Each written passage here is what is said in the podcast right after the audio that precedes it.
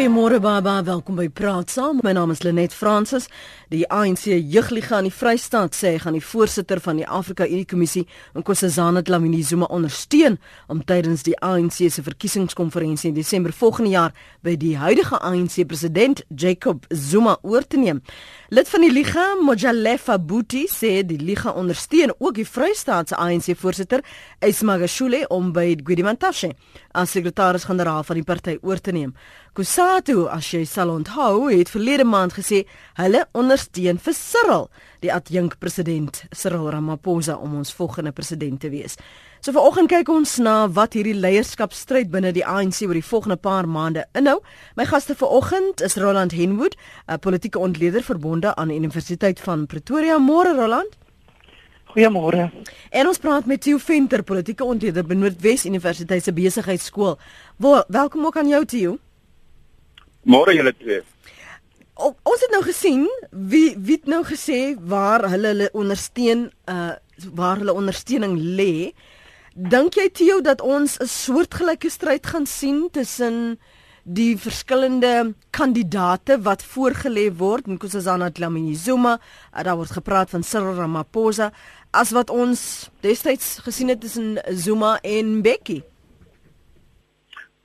O ja, dit is elke keer voor 'n uh, beleids en 'n uh, en 'n uh, leierskapskongres speel dieselfde situasie om maar af en elke keer dan probeer die ANC vanuit sy ehm um, leiers en sy bestuurskader sê ehm um, dit is nie werklik dat daar so lank voor die tyd ehm um, hierna gekyk word nie, maar uh, ons weet informeel ehm um, vind dit reeds plaas. Mens moet miskien net ehm um, uitwys dat die jeugliga en Kusatu en baie van die ehm um, rolspelers wat nou uitsprake maak oor wie moet op die lys wees, wie moet nie op die lys wees nie, hoe moet 'n lysie lyk en die smeer en die smeer. Se rol tydens die verkiesing van die leierskap self is baie klein. Uh, dit is klein omdat ehm um, ek dink van al die takke en al die verteenwoordigers op 'n nasionale kongres, daar kan tipies tussen 3 en 5000 verteenwoordigers wees afhangend hoe hulle hulle berekeninge maak is die is die jeugliga nooit meer as tussen 5 en miskien 10% van die totale stemtempo. Dieselfde met Kusatu, hulle verteenwoordiging is baie klein en word eintlik in die ANC kongres ingedra op op 'n tak manier of op 'n ander manier. Maar wat ons op die oomblik sien Lenet is eintlik klimaatskepping. Dit is om mm. is om 'n soort van 'n omstandigheid te skep waarin 'n debat kan plaasvind en omdat die takke hierdie debatte moet voer in die loop van volgende jaar is klimaatskepping op die oomblik waarskynlik die belangrikste strategie. Ons kan nou gesels oor hierdie klimaatskepping en waar die loyaliteite lê. Ek wonder net om vinnig, eh, Raymond, ons ons het nou al gehoor die laaste jaar is die gonswoorde narratief en konsolideer. Het het die ANC nou daaraan geslaag om te konsolideer na die mosie van wantroue uh, wat ons hierdie maand gesien het? Uh, die, het of is die verdeeldheid nou selfs groter binne die ANC? Nee, ek dink wat gebeur het is dat die verdeeldheid is bevestig en die verdeeldheid is nou ingebou in wat besig is om binne die ANC te gebeur. Want daar het eintlik niks verander nie. Wat verander het is dat daar nou 'n formele proses plaasgevind het en daai formele proses in die ANC het nou rondom twee groeperinge ehm um, vorm gekry en is amptelik binne die strukture en die bespreking van die ANC gevestig. Maar nie een van die twee kampe het 'n oorwinning behaal wat kan sê maar dit is nou die einde van hierdie gesprek nie. So die status quo eintlik is geformaliseer en dit gaan nou aangaan. So konsolideer in die sin van ons het die gesprek nou binne die ANC strukture ingetrek en ons voer nou hierdie baie moeilike gesprek redelik openlik binne die ANC. Dit is 'n vorm van konsolidering, maar nie die beëindiging daarvan nie. En dit is die probleem. Nou word die proses en die gesprek eintlik eers oopgemaak. So waarheen dit gaan gaan in die volgende klompie maande en die volgende jaar dink ek is dat daar meer konflik, meer spanning, meer verdeeldheid sigbaar gaan word en dit gaan uitspeel teen die agtergrond van 'n nuwe leierskapsverkiesing. Hmm. Theo het gepraat van hoeveel uh, persentasie stemme Kusatu ANC uh, vroue uh, liga en en en uh, verwys na die uh, die jeugliga kan trek. Is daar 'n duidelike wenperd as jy Ramaphosa en Lamini Zuma neem, uh, Raymond? Uh, Roland, skus man Roland, jammer. Nee, steeds reg. Uh, ek dink dit sou baie dis voortydig om nou te gaan sê hier's die voorloper. Ehm um, die die situasie is baie vloeibaar en hierdie is maar twee van die name wat nou die afgelope tyd baie aandag gekry het, maar daar's ook ander name en ek dink nie ons is op die punt waar mens kan sê jy kan A of B of C weglaat nie. Mm.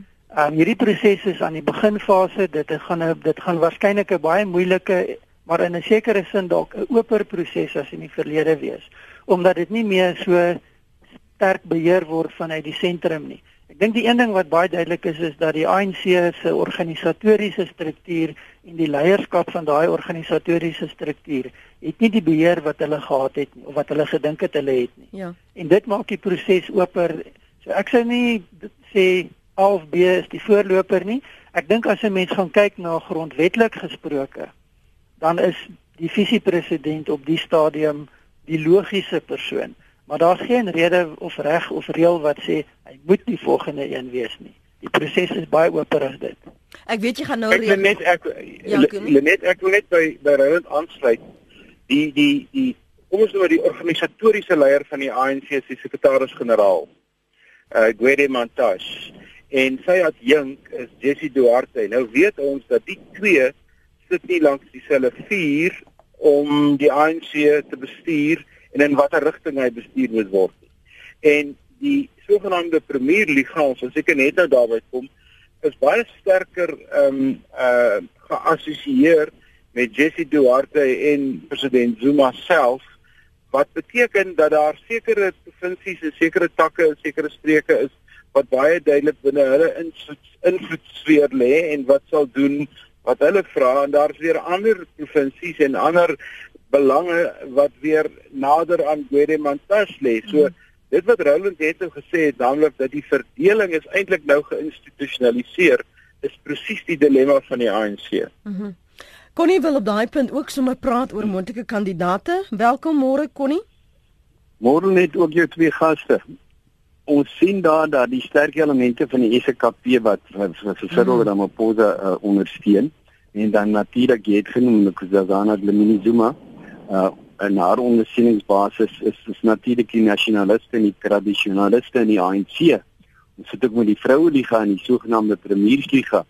Uh ek wou net gehoor het by jou gaste. Daar was sprake is dit van die baan dat selfs Gwedi Mantashe wat nou moontlik vervang gaan word dat selfs Gwedi Mantashe kon staan uh, as as uh, as 'n kandidaat uh, vir die uh, uh, Azuma se opvolger. En dan natuurlik ook Baleke Mbete, die speaker. Is hulle twee van die baan of hoe sien jy twee gaste hierdie twee buiteperde? Mooi dag vir julle, dankie. Mooi dag vir jou ook, R uh, Roland. Ek dink die die die kandidate wat genoem word is definitief daar met 'n goeie kans om om in te kom, maar ek dink dit is te vroeg om te sê die een of die ander een. Ehm um, daar is die name van Willem Kesse wat genoem word ehm um, as 'n as 'n kompromiskandidaat vir sommige. Ek dink wat belangrik is as 'n mens kom by name is om te gaan kyk wie staan aan watter kant en dan baie belangrik nie waar mense nou staan nie, maar ja. hoe lyk die pad vorentoe? En die pad vorentoe word beïnvloed dink ek deur drie belangrike faktore. Een is wat gebeur in die regering. Ehm um, wat gebeur rondom die persoon van president Zuma? Wat gebeur met die uitstaande hofsaake byvoorbeeld? Wat gebeur met regeer in Suid-Afrika? Met ander woorde, hoe suksesvol ons suksesvol is die ANC in die volgende 6 maande?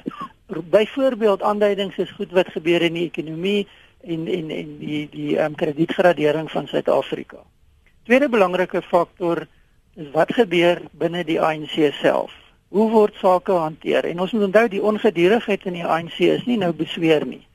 Die veterane, die die mm. die, die ringkoppe van die ANC se gesprek gaan voort. Hulle stel bepaalde eise en wil sekere goed sien gebeur. Daar's geweldige spanning tussen die provinsiale strukture en die ANC. Daar's spanning tussen die ANC lede en die ANC leierskap. So dis 'n derde faktor wat 'n rol gaan speel. 'n Tweede faktor, die derde faktor wat 'n rol gaan speel is wat gebeur in die alliansie. En alhoewel die alliansie, die SHKP Kusatu groepering nie die swaar gewigte is as dit kom by stemme nie, speel hulle baie belangrike rol in terme van beïnvloeding, die verwys na die skep van 'n klimaat. Hulle is baie sigbaar, hulle is baie hoorbaar Hulle speel 'n groot rol in beïnvloeding van hoe die proses uitspeel en hulle kan bepaal tot 'n baie groot mate hoe die agenda opgestel word wat hierdie debat gaan beïnvloed.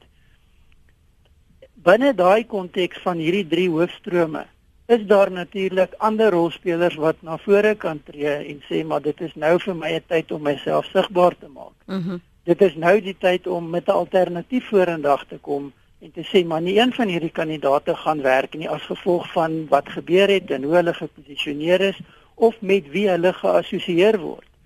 So daai proses is wat my betref heeltemal te vloeibaar en te oop om te gaan sê maar daar's die perd wat 'n mens na moet gaan kyk en as jy wil geld opsit is dit die een om te gaan. Mm. Jy gaan waarskynlik jou geld verloor as jy dit nou doen. Ek, ek dit alles te doen met tydsberekening wat ons er net gou terugneem na die probleme Theo wat ons gesien het Pravin Gordhan het en ek onthou baie plakate wat ek gesien het wat half vra dat Pravin Gordhan ons nuwe president moet wees. Figureer hy enigsins? Nee, nee, hy figureer nie, maar ek dink hy's 'n verteenwoordiger van 'n sekere belang in die ANC wat ook soms die reformiste genoem word. Met ander woorde iemand uh, of 'n groep binne die ANC wat hoofsaaklik 'n uh, anti-Zuma groepering is, maar dit is nie wat hulle werklik saambind nie. Dit is dat hulle uh, hulle soek na wat is die ANC se rol en hoe gaan die ANC die eise van die tyd in terme van die ANC se eie beginsels wat hoofsaaklik in die in die Vryheidsmanifest gevind word, hoe gaan dit beter gemanifesteer word in die ehm um, in die posisie wat wat Suid-Afrika tans beklee. En uh maar maar ek dink nie hy het regtig 'n belangrike rol wat hy wat hy gaan speel nie. Ek dink nie hy word ernstig in enige party lysie ehm um, uh uh ehm um, aangedui nie. En Willem is op lyn 2. Willem môre. Goeiemôre Lenet en jou span. Ja, ek wil net my standpunt maak. Ek glo in 'n buiteperd. Ja. Soos wat in Amerika gebeur het nou met Donald Trump. Mhm. Mm nou hier in Suid-Afrika is my standpunt in. Wat van Trevor Manuel? Hy's 'n fantastiese spreker. Hy is 'n uh, uh, erkende man in die politiek van Suid-Afrika. Hy ken die politiek, hy ken die finansies, hy's hy's 'n kenner op alle gebiede in Suid-Afrika. En ek voel dat Trevor Manuel sal uitstekende goeie president word in Suid-Afrika. Goed, dankie. En nou wil ek graag hoor ja, wat sê jou uh, uh span omtrent Trevor Manuel. OK, ek sal hulle nou nou vra. Hulle gaan nou antwoord. Pier, jy wil praat oor Cyril Ramaphosa. Goeiemôre. Ja, net onthou ek het julle 'n maand of wat terug voor dit teruggesê dat die swart mense sê Cyril Ramaphosa moet die volgende president word want hy die geld, hy sal nie geld steel van die regering nie. Ja, maar jy sien Pier, Pier, Pier het al klaar vir 'n maand 'n uh, ruk terug gesê, "Hallo ondersteun hom." En ek sê my vrou, daar gaan dit. Uh. Pier het gesê Peer is 'n profeet. Peer, dankie vir jou oproep. Uh, Moenie net die swart mense as 'n kollektief net so saamgooi en dit as 'n feit bestempel die Peer. Dis al wat ek vra. Um, ons almal dink anders. Maak nie saak watter ras ons is nie. Peer sê Cyril is die man vir die vir die job. Um, ons ander luisteraar praat van uh, Trevor Manuel. Daar seker in sekere kringe wat Trevor Manuel as 'n has-been beskou sal word. Uh, to you? Ja, dis 'n baie interessante vraag. As mens op papier kyk en jy kyk na na wie ehm um, het 'n het 'n beeld van goeie bestuur en wie 'n beeld van van 'n soort etiese bestuurstyl en en uh, wie 'n staatsman soort van voorkoms, dan kom name soos Salema Mthweni na vore ja. en en uh, Pravin Gordhan en Trevor Manuel en dis weer. Maar die ANC het 'n bepaalde kultuur. En hierdie kultuur is baie diep gesetel en hoe die ANC besluite neem. En een van die goed wat 'n mens moet verstaan is dat in die finale instansie is dit nie die koerante nie, is dit nie ek en Roland nie, dis nie die radio nie, die TV wat die wat die president van die ANC kies nie. Dis die takke en die verteenwoordigers van die takke wat by 'n konferensie bymekaar kom en vir 2 of 3 dae lank hieroor besin en dan 'n besluit neem. Dit is in die finale instansie hoe dit gebeur en voor dit gebeur is daar verskeie byeenkomste en gesprekke wat op takvlak en op streekvlak en op provinsiale vlak plaasvind. Ons sal nou sien volgende jaar as die provinsiale kongresse ook plaasvind van die name soos wat die ANC self daaroor beoordeel van dit na vore tree en dit die name wat ons al reeds genoem het um, van persone en nie die name wat nou genoem is nie. So jy moet amper deur hierdie hierdie wasmasjien van die ANC moet jy deurkom en dan sal jy uiteindelik na vore beweeg en uh, een van die ehm um, besware wat iemand soos Barry Montash nou aangeteken het is die ANC moet beweeg beweeg van 'n sogenaamde lysie af of 'n sluit waar daar vyf of ses name op verskyn en dan stem jy eendragtig agter agter die name aan. Maar ek weet nie of die ANC ooit daarvan van weg gaan wegkom nie want dit is al so deel van hulle verkiesings ehm um, metode en meganisme. Maar ek dink nie die buiteperde van deur die ANC se maal suksesvol uitgemaal word. Al lyk dit op papier en teoreties af asof hulle die beste keuse sou kon wees. Mhm. 24 minute oor 8. Ons het gepraat oor waar almal se steun lê. Kan ek vir jou vra hoe gesond is hierdie alliansie op die oomblik Roland as die as SAKP in een rigting trek, Kusatu trek in 'n ander rigting?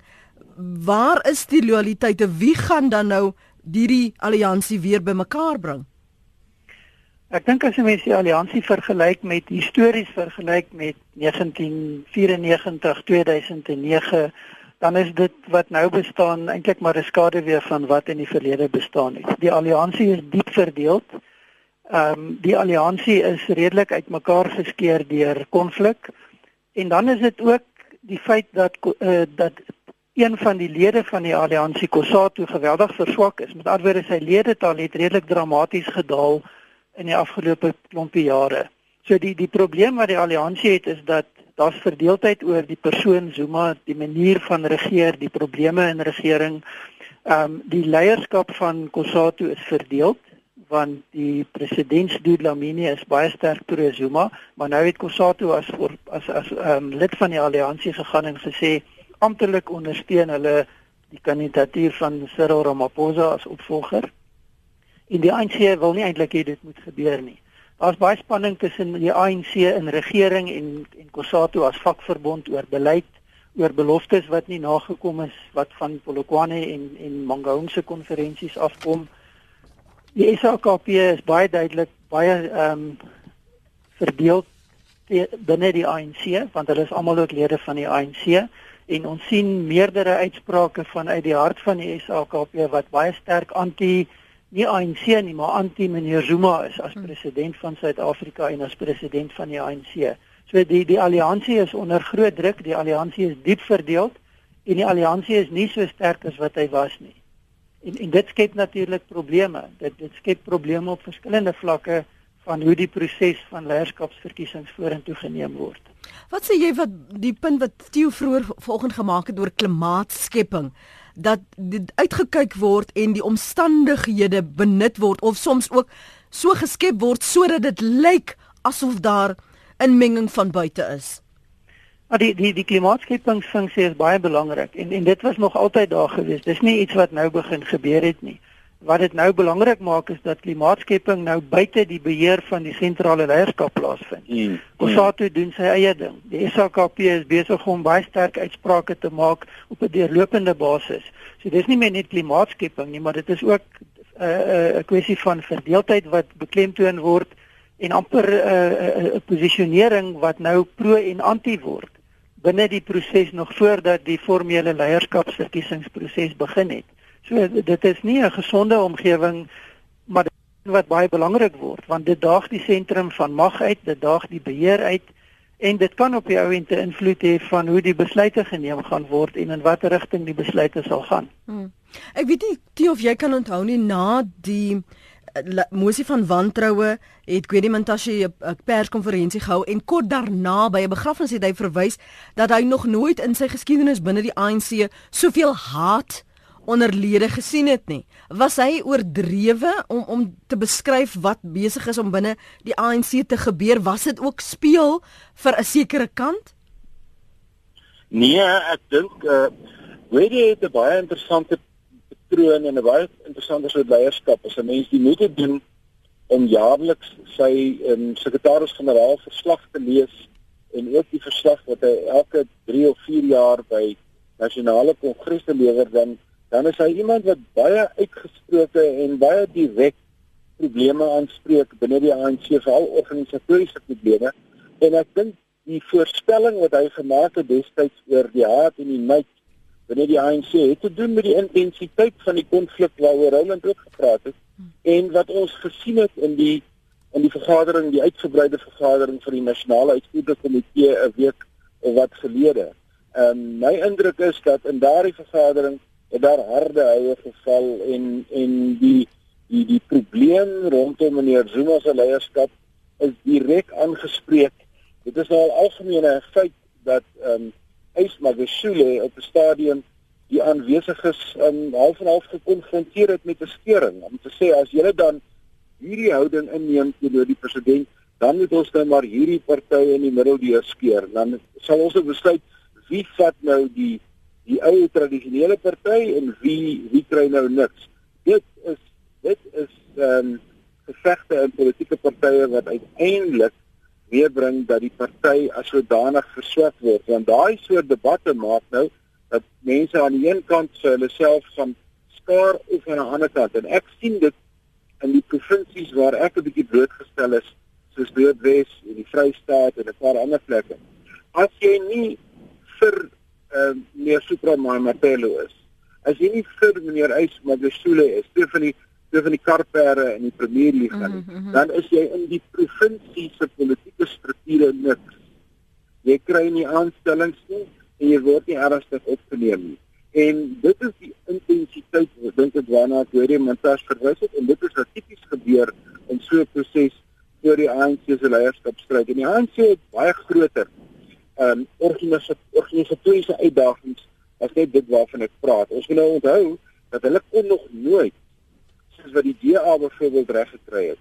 Hulle verkiesingsprosesse sinkroniseer met die konstitusionele prosesse in die land nie. Hulle gaan nou volgende jaar in Desember maand nuwe leierskap kies.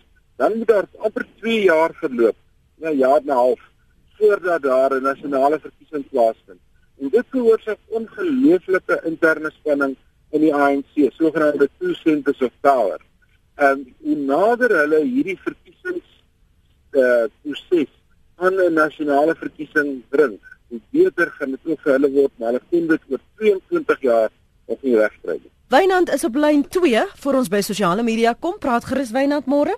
Goeiemôre. Ek wil net weet, Theo Venter en baie ontleeders het in die verlede al gesê dat die ANC ontsettend bang is om nou van meneer Zuma ontslae te raak. Mhm. -huh. Omdat hulle gesien het wat se fout hulle gemaak het toe hulle van ehm um, meneer Mbeki ontslae geraak het. Nou nou vir my het dit gevoel uh meneer Mbeki meneer Mbeki is is uit en meneer Zuma het ingekom.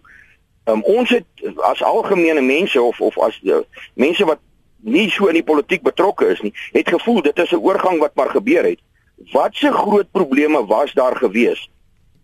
As as as as jy dit net vir my kan verduidelik hmm. asseblief. Baie dankie daarvoor. Baie baie dankie daarvoor. Kom ons gee gou vinnig konteks vir diegene wat dalk gedink het soos hy nou Wynand sê dit dat 'n normale natuurlike oorgang was. Daar was tog ander hande wat besig was om te manipuleer ons herinner onsself aan wat uh, Julius Malema destyds gesê het dat hy sal sterf vir Zuma en die beloftes wat gemaak het die toutrekkery wat vooraf gegaan is om daardie klimaatskepping waarna jy vroeër verwys het op letterlik op te stel toe. Ja kyk die ANC het het die die die die, die uh, ontseteling van van 'n bekkie of sy sogenaamde recall het hulle baie dramaties beleef want dit was nie net die vervanging van Thabo Mbeki met uh, met Jacob Zuma nie maar daar het eintlik 'n soort politieke skoonmaakveld tog uh, gevolg daarop. 'n nuwe kabinet. Julle sal onthou direk na um, Mbeki se uittrede het Trevor Manuel bedank en 'n klomp ander ministers die rand het weer bok gespring vanweë ehm um, uh waargenome onstabiliteit in die sfeer maar dit is veral die skoonmaakprosesse wat plaasgevind het want 'n president van die ANC wat ook president van die land geword het so Zuma het toe op nie nuwe premiers aangewys en hy het uh, hy het 'n nuwe kabinet aangewys en dan het daar 'n baie interessante ding plaasgevind. Mense het in eenvoudige Afrikaans gat omgeswaai in die politiek. Ons premier in byvoorbeeld en Yswa Beshule ook was tot op 'n sekere stadium Thabo Mbeki ondersteuners. En in hulle terugreis van Polokwane af het hulle Zuma ondersteuners geword. En so kan 'n mens 'n lysie maak van mense wat eintlik aan die een kant was en oornag omgedraai het en aan die ander kant gesit het. En dit het soveel drama in die politieke party, die ANC veroorsaak dat hulle vir mekaar sê nooit weer doen ons hierdie ding nie. Dis die een punt. En die tweede punt is waarvoor die ANC bang was. Hierdie terugroep van 'n president in die periode wat volg op die verkiesing van 'n volgende leier van die ANC. As hulle dit nie erns stop nie, gaan dit 'n geïnstitusionaliseerde praktyk word. Met ander woorde, jy kry nou dat 'n president het twee termyne van van 10 jaar of twee termyne van 5 jaar as staatspresident en hy het twee termyne van 5 jaar as ANC president, maar hulle is nie gesinkroniseer nie wat eintlik wat beteken hy het een termyn van ongeveer 7 jaar miskien 8 jaar want in die laaste 2 jaar gaan die ANC hom uithaal want dis wat hulle gedoen het met 'n bietjie hulle wil daai proses eintlik omdraai en hulle is alweer op pad toe die enigste keer wat dit nie gebeur het was toe Mbeki president geword het en Mandela die die staatspresident gebly het. En dit kon toe gebeur het omdat Mandela die volwassenheid gehad het om hom nie te steur kleinlike politiek op daai stadium nie. Dis al hoekom dit toe nie gebeur het nie. Goed. Daar is as, as ek as ek miskien net ja, kan byvoeg, 'n ander belangrike aspek is die die die afsplitsing van mense uit die ANC. Want Coke byvoorbeeld word gesien as 'n direkte gevolg van die manier hoe bietjie teruggeroep is en wat toe binne die ANC gebeur het. En daar's 'n redelike groot vrees in die ANC dat behalwe die interne konflik en onstabiliteit dat jy al hoe meer mense uitdryf en op 'n stadium word hierdie groepering van invloedrykes wat buite die ANC staan groter, meer invloedryk nie as politieke party nie, maar as 'n invloed van buite op die ANC en wat binne die ANC gebeur. En die trauma daarvan, die onsekerheid daarvan is iets wat as jy met ANC leiers praat, dan sê hulle vir jou nooit weer nie. Ons kan nie toelaat dat dit weer gebeur nie. Paar menings, Louis van die Kerk skryf hier, hierdie stryd in die ANC word so groot, die bloed gaan letterlik vloei en die land gaan ly, meen Louis. Ons sien dit al reeds op ekonomiese gebied. Ek hoop net dat die volgende leier die land se belang bo die belange van die land plaas, seker bo die land um, die groep plaas uh, Louis. Um, dan skryf Chris, die primêre vereiste vir presidentskap is patronaatskap. Dit sluit gewoonlik baie goeie en bevoegde mense soos Trevor en Pravin heeltemal uit. Die ANC se leier verkiesingsstelsel bevorder patronaatskap. Dan wil Harry Wessels uh, van Plet weet uh, Roland Daar is al gesê Cyril sal sukkel omdat hy 'n Wenda is. Sal iemand anders as 'n Xhosa of Zulu 'n kan staan? Sal onthou met destyds met uh, uh, Nelson Mandela se verkiesing en die die aanwysing van 'n adjunk het hierdie gesprek ook ter sprake gekom. Wat sê jy vir Harry vanoggend? Ja, ek sou baie versigtig omgaan met daardie argument. Ek ek dink daar's twee redes. Die een is dat die ANC is baie sensitief vir wat hulle noem tribalism of etniese denke. Trouwens, dit staan baie duidelik in die grondwet van die ANC dat dit onaanvaarbaar is. Dit is in ander woorde onwettig binne die ANC. Nou ek wil nie daardeur ontken dat daardie persepsie bestaan en dat daar mense is wat met daardie idees rondloop nie. Maar maar dit is nie 'n ANC standpunt nie en ek dink nie dit is op die stadium die oorwegende standpunt wat 'n verkiesing gaan dryf nie. En en dan gaan kyk 'n mens terug na ander rolspelers in die ANC wat baie senior leiers was wat wat belangrike rol gespeel het wat nie in daardie etniese konteks inpas nie. Ek dink 'n feit wat van selfspreek is dat Ramaphosa as die adjunkpresident van die ANC en van Suid-Afrika Hy het 'n baie groot rol gespeel in die oorgang van Suid-Afrika tussen 1990 en 1994. So ek ek dink nie mense moet op die stadium dit die fokuspunt maak nie, want ek sien nie die bewyse daarvan nie. Dat dit wel by sommige mense belangrik kan wees, maar dalk is dit een van die aspekte wat belangriker is vir diegene buite die ANC as vir meeste van die mense binne die ANC. Hmm. Hmm. Nik, ek stem ek stem met Roland saam wat dit aanbetref. Want ehm um, uh iemand het uh, een van die van die indellers het gevra of van die vraagstellers het gesê die bloed gaan loop. Wel die bloed loop alreeds in KwaZulu-Natal en dit is 'n onderlinge stryd rondom leierskap in KwaZulu-Natal. Dan moet jy die etiese faktor bereken, dan moet jy sien daar is 'n groter stryd as 'n stryd tussen ander etnieë en dan moet jy besef dat uh, Ismagashule en Subrama Mapelo behoort glad nie aan dieselfde taalgroep as meneer Zuma nie, maar hulle is van sy grootste ondersteuners. So ek dink 'n mens moet baie meer genuanceerd oor etnisiteit praat in die ANC as jy dit wil debatteer. Hmm. Nik, dankie vir die aanhou. Graaf, dankie. Net ek uh, wil graag stelling maak en dan 'n vraag vra. Mm. Uh die bloed vloei. Die bloed vloei 'n jaar gelede toe Nene afgedank is, begin presies vandag of môre 'n jaar gelede. En uh die bloed vloei nou vandag en seker tot die einde van die jaar op die aandelebeurs. So dit is alles Zuma te wyte. My vraag is, ek wil 'n stelling maak, is hoe sterk is Zuma? kan hy nie homself inbring en vir nog 'n termyn of 'n onbepaalde termyn soos in Mugabe aanbewind bly nie. Ek weet jy gaan sê miskien die ANC het wigt en teewigte en al die lei kons uh, grondwetlike dinge en hulle grondwet wat dit nie toelaat nie, maar Zuma kan enigiets doen. Die aanvaarbaarste oplossing na my mening en dit wil ek graag hoor by die paneel. Sou dit nie wees om Dlamini Zuma maar president te maak? Die roem om te sê hier is 'n Zulu nog weer in die, die leierstoel en sy is 'n vrou. Die hele wêreld skreeu vandag na gender en al die dinge. En ja, haar dius, maar maak haar dan 'n figuret. En gee vir Ramaphosa die presidentskap met volle bestuursreg dat die ANC kan stuur en die land kan stuur in 'n beter Suid-Afrika. Hmm. Interessant figurehead. Dankie Nick. Theo, hoe sterk is die invloed van president Jacob Zuma en kan hy die opvolgstryd in 'n moontlike kandidaat werklik beïnvloed? Ek sal probeer kort wees. Ek dink meneer Zuma is baie invloedryk. Hy het 'n baie invloedryke patronaatskapstelsel um, gevestig, maar hy is nie ehm um, so invloedryk dat hy nie ook kwesbaar is en ek dink op die oomblik dis sedert 'n jaar gelede is meneer Zuma waarskynlik op sy kwesbaarste sedert hy president geword het. Hy probeer natuurlik 'n baie sterk beeld van tyd tot tyd projekteer vir alles hy in KwaZulu-Natal is of sy in Mpumalanga is, hmm. maar ek dink hy is baie kwesbaar. Die tweede punt wil ek vinnig maak en dit gaan oor die ANC se interne demokrasie.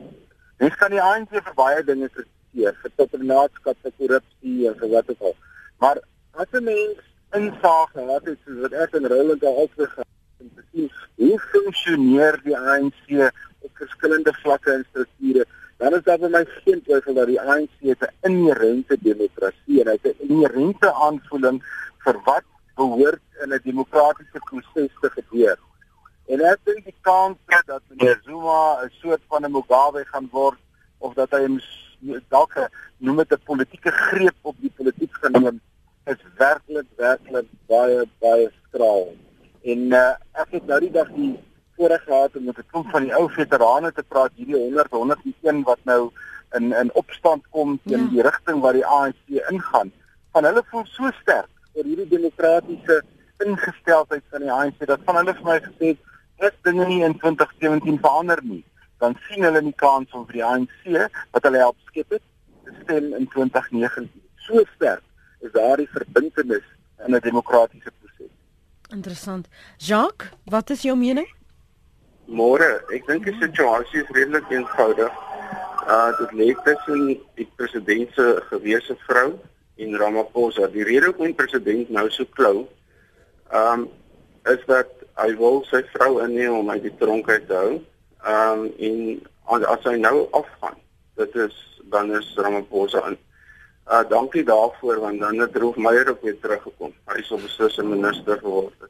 Hulle is al net te naby. Maar ehm um, ek uh ek dink dit dit is man ek ek uh is nie 'n ondersteuner nie, maar my geld is op op Zuma se gewese vrou.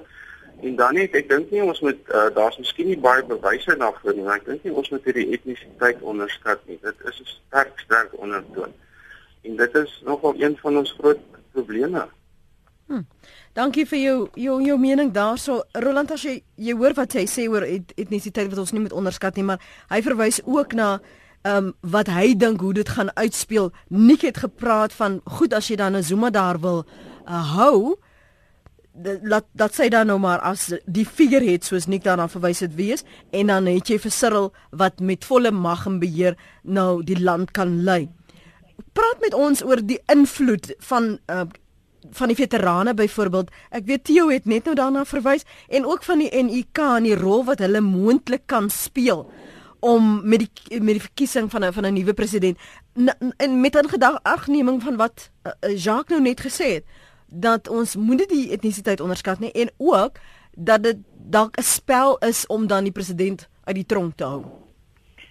Goed, ehm um, ek dink die kom ons begin by die basiese institusionele konteks binne die ANC. Die groot konferensie wat die ANC hou einde 2017 en die verkiesing van leiers het 'n baie spesifieke vereiste en prosedure wat deur die ANC se grondwet gereguleer word. Om dit moontlik te maak, beteken die ANC moet organisatories effektief wees. Met ander woorde, sy takstrukture, sy provinsiale strukture moet in plek wees, moet geaudit word om te bevestig dat dit funksioneer en die takke wat nie funksioneer nie wat nie aan die grondwetlike vereistes voldoen nie word buite rekening gelaat. Wat dit in feite dan beteken is dat 90% van die stemgeregtigdes wat by die ANC se beleidskonferensie gaan stem, taklede en takverteenwoordigers. Dis nie die veterane nie, dis nie die vroue liga nie, dis nie die jeugliga nie. So die die die desentralisering van daai besluitnemingsproses is ingeskryf in die grondwet. Dit beteken dat takke binne provinsies wat die meeste lede het, gaan die meeste afgevaardigdes hê. Nou as jy daar etnisiteit wil inlees, dan kan jy dit doen. Dan beteken dit KwaZulu-Natal moet die meeste takke hê, moet die meeste lede hê wat stemgeregtig is. Maar daar sekerre um, verskansings ingebou. Alle provinsies moet verteenwoordig word, alle strukture moet verteenwoordig word. So die ANC is redelik sterk ingestel om te sorg dat daardie strukture en daardie prosesse in plek is. Dis nie te sê die proses is foutloos nie. Daar's baie gebreke en en veral organisatoriese gebreke in die ANC. Maar ek beklemtoon dit want ek dink dit gee vir ons 'n bepaalde konteks en dit gee ook bepaalde realiteits begrip van wat besig is en wat in die ANC gebeur en daai proses is nou besig om in plek te kom vir die volgende beleidskonferensie. Etnisiteit, ras, dit is alles forme van identiteit van van van organisering van mense. Dit speel 'n groot rol in Suid-Afrika. Ek dink nie ons kan dit ontken nie. Maar ek wil gaan nie so ver gaan om te sê dit is die deurslaggewende faktor as dit kom by leierskapsverkiesings en hoe die proses binne die ANC gedryf word nie want as dit die geval was dan sou ons gesien het daar's een dominante proses en daar's niks anders nie. So ek ek dink nie ons moet dit oorbeklemtoon nie. Ek dink nie ons moet te veel daarvan maak in wat nou gebeur en in die aanloop tot die verkiesing nie. Hmm. Dan dan wil ek net die punt maak. Dis baie maklik om te sê maak ehm um, Dr. Nkosazeni Dlamini Zuma die president as 'n figurehead. Suid-Afrikaanse president is nie 'n figurehead nie. Suid-Afrikaanse president is 'n uitvoerende president alhoewel daardie president uit die geleedere van die parlement kom en aanspreeklik is teenoor die parlement. Maar dit is iemand met uitvoerende bevoegdhede en en dit is 'n grondwetlike wysiging wat jy eintlik voorstel. Dit gaan nie gebeur nie. Ek dink dis die eerste punt. Die tweede punt is wie die adjunkpresident gaan word gaan in die proses van nominasie en verkiesing in die ANC bepaal word het sy of dit 'n kieslys is wat baie mense sê ons moet van wegkom as ons kyk na die ANC want dis waar die probleem lê of 'n ander manier van hoe daardie posisies gevul gaan word. So dit is nie te sê dat dit van buite bepaal kan word met 'n ooreenkoms en dan is dit noodwendig so dat hier's A B C en D se name op die lys nie. Dan die praktyk van politiek. Dis een ding om te sê ons maak so en so die president want dit gaan mense tevrede stel. Daar's twee probleme daarmee. Die eerste een is as Dr. Nkosazana Dlamini Zuma verkies word, wat keer haar om 'n onafhanklike rol te speel om haar eie inhoud te gee aan haar rol as president? En om te sê maar ek is nie gebind deur ooreenkomste of gewaande ooreenkomste van die verlede nie. Hmm. En ons het dit al baie aan die politiek gesien dat mense inkom en daar's 'n bepaalde verwagting en dan tree daardie persone heeltemal anders op wanneer hulle eers die president is. En as ek sê heeltemal anders, dan kan dit in 'n positiewe of 'n negatiewe sin wees. Ek ek maak nie 'n voorspelling daar. So so mens kan nie die rol en hoe daai persoon gaan optree wanneer jy in daai amp bevestig is vooruit gaan bepaal nie. Daar's geen manier om dit te doen nie. Van die dag as jy die president is, dan het jy die bevoegdhede, die verantwoordelikhede van die president en jy gaan inhou daan gee soos wat jy goed dink. Hmm. En jy gaan jou span kies wat saam met jou dit doen want dit is die president se besluit. Is nie 'n kollektief nie, dit is nie iemand anders nie. Dit is die president se grondwetlike verantwoordelikheid en bevoegdheid om dit te doen. So so dit is nie so maklik om te sê kom ons maak so en dan kry ons dit nie. Ons gaan waarskynlik nie dit kry wat ons dink nie want mense tree anders op, neem besluite in die konteks van waar hulle self bevind en onder die indruk kom van die mag wat ek het, van die bevoegdhede wat ek het. En dan gaan ek anders optree. Dink die laaste punt wat hier belangrik vir my is is om te gaan sê maar kom ons doen dit sodat ons die konflik nou afskaal. Baie gevaarlike praktyk in die politiek want jy skep presidente. Soos die sensitiwiteit van maar ons kan nie nog 'n president herroep voor die einde van sy termyn. Mm. Nou die kans dat dit gaan gebeur dink ek is baie groot. Ons moet onthou dat die tydperk wat meneer Bekkie herroep is, is nog 'n jaar plus vorentoe in die termyn van meneer Zuma. Kans is goed dat dit gaan gebeur ten spyte van mense wat sê ons kan nie dit bekostig nie. Maar jy skep presidente en jy skep verwagtinge van hoe goed in die toekoms kan werk. En dit kan ondemokraties wees, dit kan ook onkonstitusionele praktyke inbring wat met ander woorde jou grondwet ondermyn en jou mm. grondwetlike proses ondermyn.